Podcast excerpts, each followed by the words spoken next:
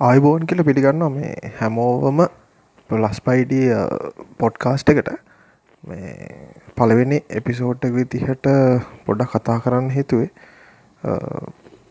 පොඩි තියර එකක් ගැන. මම එක ටිකක් YouTube එකේ දැකපු වීඩියෝ එකකටත් ඔව YouTube එක දැක පීඩිකටත් වඩා ඇතර මේ මේ ඔගුල්ලෝ ෆලෝ කරනවනම් YouTube එකගේ මයිහප් චනල්ල එක් කරන දේශන්තෝට්සෙක් කරන දේශන් තෝට්ස් පොඩ්කාස්ට් එක කරන දෙලිෂාන් අයව මං හිතන්නේ මං ඒක දැකපු පොඩි තියර එකක් එක තමයි කතා කරන්න ඕන උනේ. ඒකත් එක්ක පොඩි ගට්ටනයකුත්න මේ ගැන මගේ තීරිකත් එක් එක පොඩි ගට්ටනයකුත්න මේ පොඩි අදහසක් එක්ක අපි පලවෙනි පිසෝඩ් එක ඒ ගැන අදහසක් එක පලවෙනි පිසෝඩ්ඩේ පටන්ගන්න ඕන එකට තමයි හිතුවේ. කවුරරි දන්නත්තං දිරිශන් තෝට්ස් කියලා පොඩ්කාස්ට් එක සර්ච් කරනවාන ඒක මං හිතන්නේ මේ මීට වඩා ගොඩක් වැතගත් දේවල් තියෙනවා. හැබැයි මම දෙක එක තියර එකක් මන් දෙක ගොඩක් එයාගේ දේශනගේ වීඩියෝසල පාවිච්චි කරනවා. මේ අනේ මට මොකෝ හරි අයි මට මොකෝ හරි තියර එකක් මන් දෙක මේ මේ යාගේ බ්ලොග්සලත් ගොඩක් කලාට පාවිච්චි කරනවා. ඒකත් එක්ක එතනින් පටන් අරගෙන අපි පොඩ්ඩක් යනවනම් මෙති මේක මට ඉතුන හොඳයි කියලා. ඇයි මට මොකෝ හරි අනේ මට මොකෝ හරි තීරයක්. ඒ කියන්නේ ඒක වැරදි කියන්නන මේ පටන්ගත්තේ ඒ කියන්නේ මං හිතන්න එයා කියන විදිහට මට තේරුම් ගියපු විදිහට කියන්නේ පුළුවන් හැම වෙලාවකම අනේ මට මොකෝ එහෙම නැත්නම් ඇයි මට මොකෝ මට මොකද කියන තීරයක ඇප්ලයි කරන්න කියලා.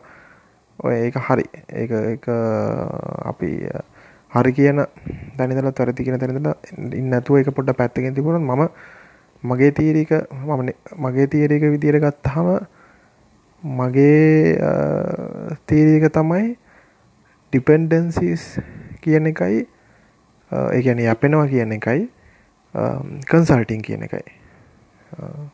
කන්සල්ටිං මොනාද කියන සිංහලින්? කන්සල්ටිං කියන්නේ අදහස් ගැනීමනේ.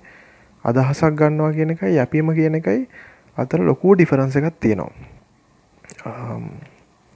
අපි අපේ අම්මල්ලා තාත්තලගේ යපෙනවනේ නේ? එතකොට එතන තියෙන්නේ ඩිපන්ඩන්සි එකක්. හැබැයි අපේ ගොඩක් අයට තියෙනද ප්‍රශ්නය තමයි අපි ඩිපෙන්ඩ් වෙනවා ඒක ඩිපෙන්ඩෙනවා කියන්නේ එක ඕ ඩිපෙන්ඩෙන කියෙන වචන හරි ඇත්තරම ඩිපෙන්ඩ් වෙනවා මොද ඩිපෙන්ඩෙනවා කියන්නේ අපි අපිට අපි ඒගොල්ලන් කාලඳල බිලින් නොද කියන කමන මේ අපි මෝෂන් ලියගොල්ලන්තක ෆිසිකලි හැම දේකම ඩිපෙන්ඩෙන කියනක එක පැතිවලින් අතර අපි අපි අපේ තින් ලොකු අවුලත් තමයි අපි හැමතිස්සම ඩිපෙන්ඩ් වෙනවා අනිත් අය මත. හරිද? ඒකේ වැරද්ද තියෙන්නේ ලොකුවටම ඉමෝෂනල් පැත්තට ගියහම අපි අම්ම තාත්තා කියන එක පොඩක් අයින් කරමුකෝ. ක්ලෝසස්ම කට්ටිය අපිට ඒක කරන්න දෙයක් නේ. අපි ඉපදිච්ච දවසේ ඉඳලා ඒගොල්ලන්ගෙන් කාලා ඇඳලා බෙලේ ඉන්නවනේ. ඒ ටික ඒ ටික එහෙම අමතක කරාම ගොඩක් අයට තියෙන ප්‍රශ්නයක් තමයි නිකන් හරියට නිකන් අපි ගමුකෝ පොඩි එක්සැම්පල්ස් ටිකක් හරිද? එතකොට තේරෙනවා.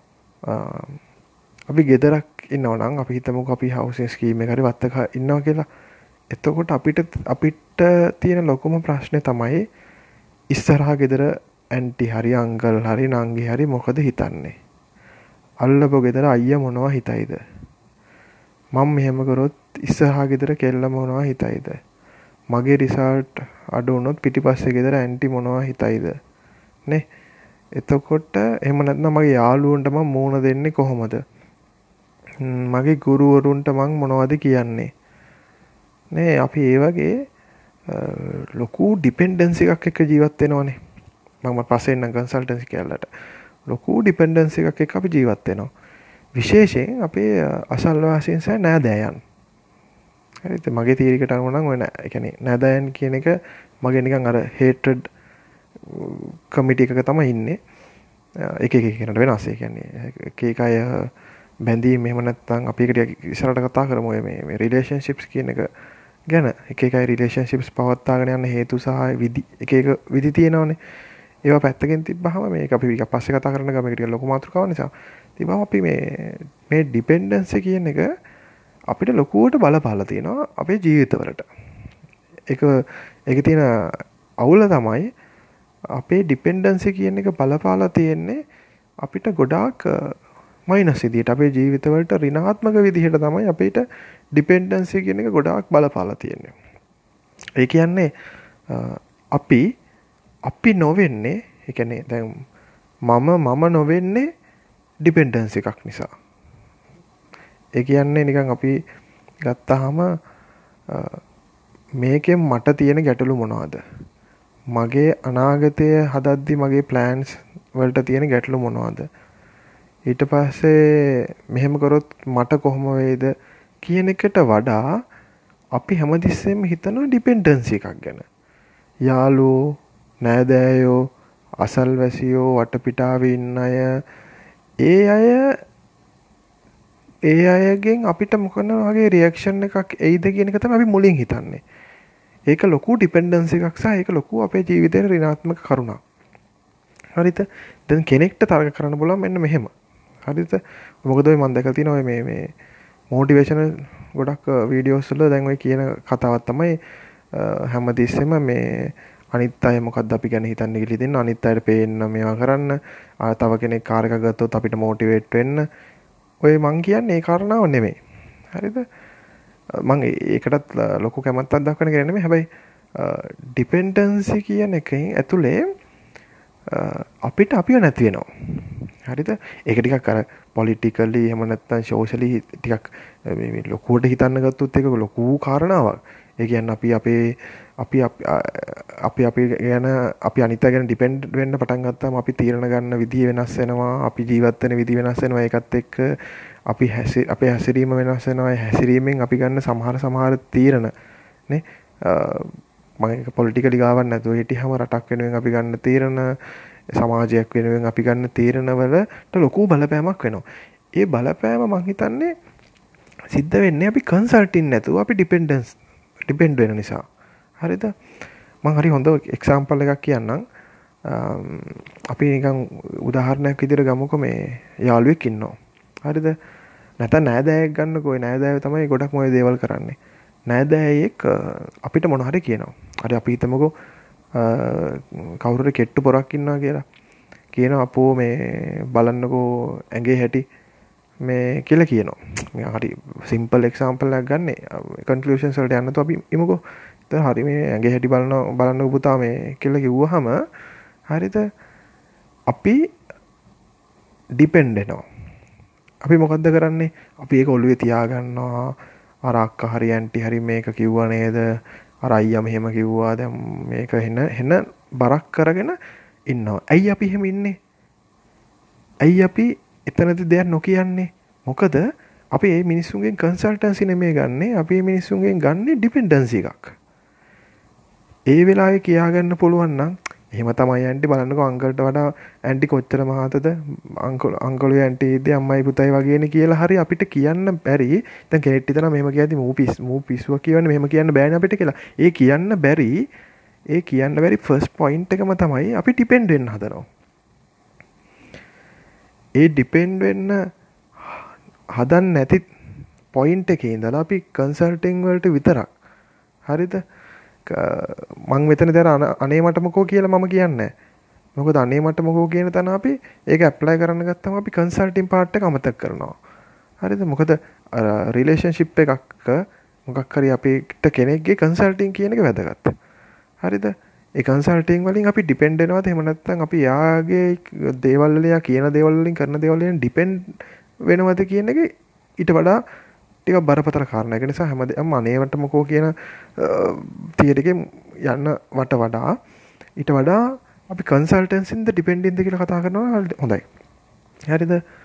පළවෙනි දේ තමයි ඩිපෙන්ඩ් වෙන්නේ නැත්නම් අපිට කවුරු හරි කියන දෙයක් හරි කරන දෙයක් හරි කවුරු හරි අපිට එවන මැසේජ් එකක් වෙනුවෙන් හරි අපිට දුක් වෙන්න ඕනේ නැහැ. හරිද? සමහරවිට නිකන්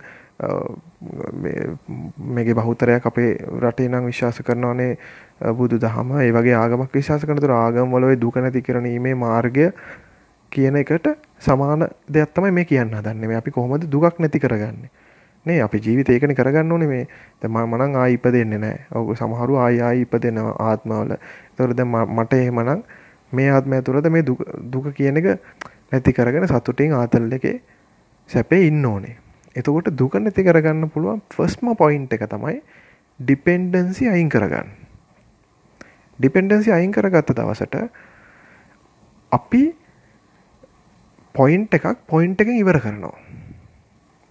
ඒ කියන්නේ අපිට මොකක් හරි කවුරු හරි කිව්වොත් අපි අපේ ඔළුවේ මානසික මානසිකව මානසිකත්වයක් නැත්තම් එයාගෙන් අපි ඩිපෙන්ඩ් වෙනවා කියලා අපි අනිත් පැත්තට දෙයක් කියනවා. එයා අපිට මොන හරි කිව්වා අපි යාට අනිත් පැත්තට දෙයක් කිව්වා. ඒක ඊක්වල් ඒ හිතුවේ දුනද ඒව මොකුත් අපිට අදාළ නැහැනේ. අපි ඩිපෙන්ඩ් වෙන්නේ නැහැ එයාගෙන්. අපි යාට කිව්වා. එයා අපිට දෙයක් කිව්වා. එතන ඒක ඉවර කරා. ගෙදර ඇවිල්ලා එක කල්පනා කරන්නවත් කිසි දෙයක් අවශ්‍ය නැහැ. ඩිපෙන්ඩ ඩිපෙන්ඩ එකක්. හැබැයි අපි එකෙන් කන්සල්ට් එකක් ගන්නක වෙන කතාවක්. අපිට කියනවා බයික් එකේ වේගය යන්න එපා. බයික් එකේ වේගෙන් යන්න එපා කිව්වට පස්සේ අපි ඒකෙන් කන්සල්ටන්සියක් කරගෙන බයික් එකේ වේගෙන් ගියොත් මොකද වෙන්නේ? මට පාඩුවක් තියනවද? මට අවුලක් වෙයිද කියලා හිතන එක ඒක වෙන කතාවක්. හැබැයි මම සිම්පල් එක්සාම්පල්ස් ගන්නෙ. හැබැයි අපි කියන දෙයක් ගැන ඔළුවේ තියාගෙන ඒක ගැන හිත හිත යාට අනේ දා අර විදියට කිව්වා ඒ වුණාට ඒ ගෑනට මොකක්ද ඒ ගෑනට අදාළ නැහෙනේ කියලා අපි මේ ඔළුව ඇතුලේ ලොකු අපි වෙහෙසක් දරනවා හැමදාම අපේ ඔළුවට එකතු කරගන්නවා ගොඩාක් අනිත් මිනිස්සු අපිට කියන දේවල්. ඒක ඒක ලොකු මයිනස් පොයින්ට් එකක් අපි ජීවත් වෙද්දී. අපි ජීවිතවල තියෙන ලොකුම ඍණාත්මක පොයින්ට් එක තමයි ඒක එක එක පැත්තකට ගියාම. ඒ පොයින්ට් එක ඇතුලේ ඉන්න ඉන්න ඉන්න මේ ඔළුව ඇතුලේ පිරවෙන්නේ එන ඩිපෙන්ඩන්සි පොයින්ට්ස් ගොඩක්. ඩිපෙන්ඩන්සි පොයින්ට්ස් ගොඩක් එද්දී අර කන්සල්ටෙන් පිරෙන්න ඔළුව ඉඩක් නැති වෙනවා. මොකද අපි හැමතිස්සෙම දුකෙන් ඉන්නේ අර කෙනාට කිව්වොත් මොකද වෙන්නේ? ක්ලබ් එකට ගියොත් මොකද වෙන්නේ? රූම් එකට ගියොත් අපි මොකද වෙන්නේ? මේ මේ මොකද්ද බිය එකක් බියොත් මොකද වෙන්නේ? මේ අපිට වෙන දේ නෙමෙයි. හරිද? මම මම දන්න ගොඩාක් අය ඉන්නවා මේ සිගරට් එකක් නොබේ ඉන්නේ. එහෙම නැත්නම් මේ මේ අරක්කු වීදුරුවක් නොබේ ඉන්නේ. මාට්ටුවේ කියලා.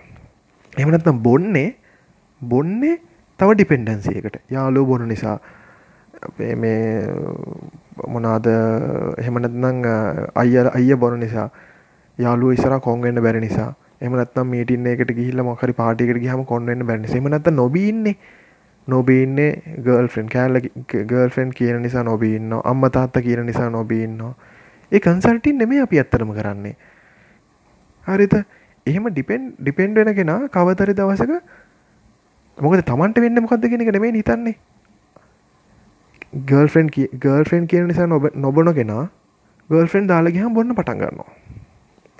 අම්මා තාත්තා කියන නිසා නොබන පුද්ගලයා අම්මා තාත්තා නැති වුණාම බොන්න පටන් ගන්නවා. ඇයි මේ ඩිපෙන්ඩන්ස් එක නිසා තමයි ඒකට හෝල් කරලා තියාගෙන ඉන්නේ. එතකොට කවදාවත් ජීවිතේ ඉස්සරහකට යන්න බෑ. සතුටක් විඳින්න බෑ මේ සැපක් විඳින්න බෑ මොකද අපි දුක කියන එක හෙන්න ඔල්ලුවේ තද කරගෙන ඒක තමයි අපේ ජීවිතේ වගේ අපි ජීවත් වෙනවා. කොයි වෙලාවක හරි අපිට ඩිපෙන්ඩන්සි එක නැති කරගන්න පුළුවන් නම් හිතේ දෙයක් තියාගන්න නැතුව කියන්න ඕන එක මූන්ට කියලා ගන්න ඕන දේ ජීවිතයට අරගෙන ඒක ඔළුවේ තියාගන්නේ නැත්නම් හිතේ තියාගන්නේ නැත්නම් අර අපි කියන්නේ කහටක් හිතේ තියාගන්න වගේ නිකන්. එහෙම යනවා නම් කන්සල්ටන්සි විතරක් අරගෙන අපිට ලොකු පාත් එකක් තියෙනවා ලොකු ඇම්බිෂන් එකකට ඉස්සරහට අපිට ඕන ගමන ෆ්‍රීඩම් එකේ යන්න පුළුවන්. නයිට් ක්ලබ් එකට යන්න යනවද? රූම් එකකට යනවද? බොනවද? කනවද? සෙක්ස් කරනවද කියන එක අපිට මොකක්ද තියෙන ඩිස්ඇඩ්වාන්ටේජ් එක අපිට මොකක්ද තියෙන ඇඩ්වාන්ටේජ් එක කියලා හිතුවාම ඇති.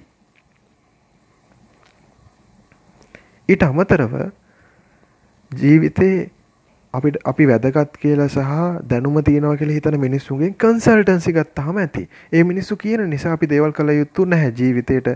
අම්මා තාත්තා හෝ ගර්ල්ෆ්‍රෙන්ඩ් හෝ යාළුවෝ නෑදෑයෝ අසල්වැසියෝ කියන නිසා කිසිම දෙයක් ජීවිතයකට මට තේරෙන විදිහට මම විශ්වාස කරන විදිහට කළ යුතු නැහැ.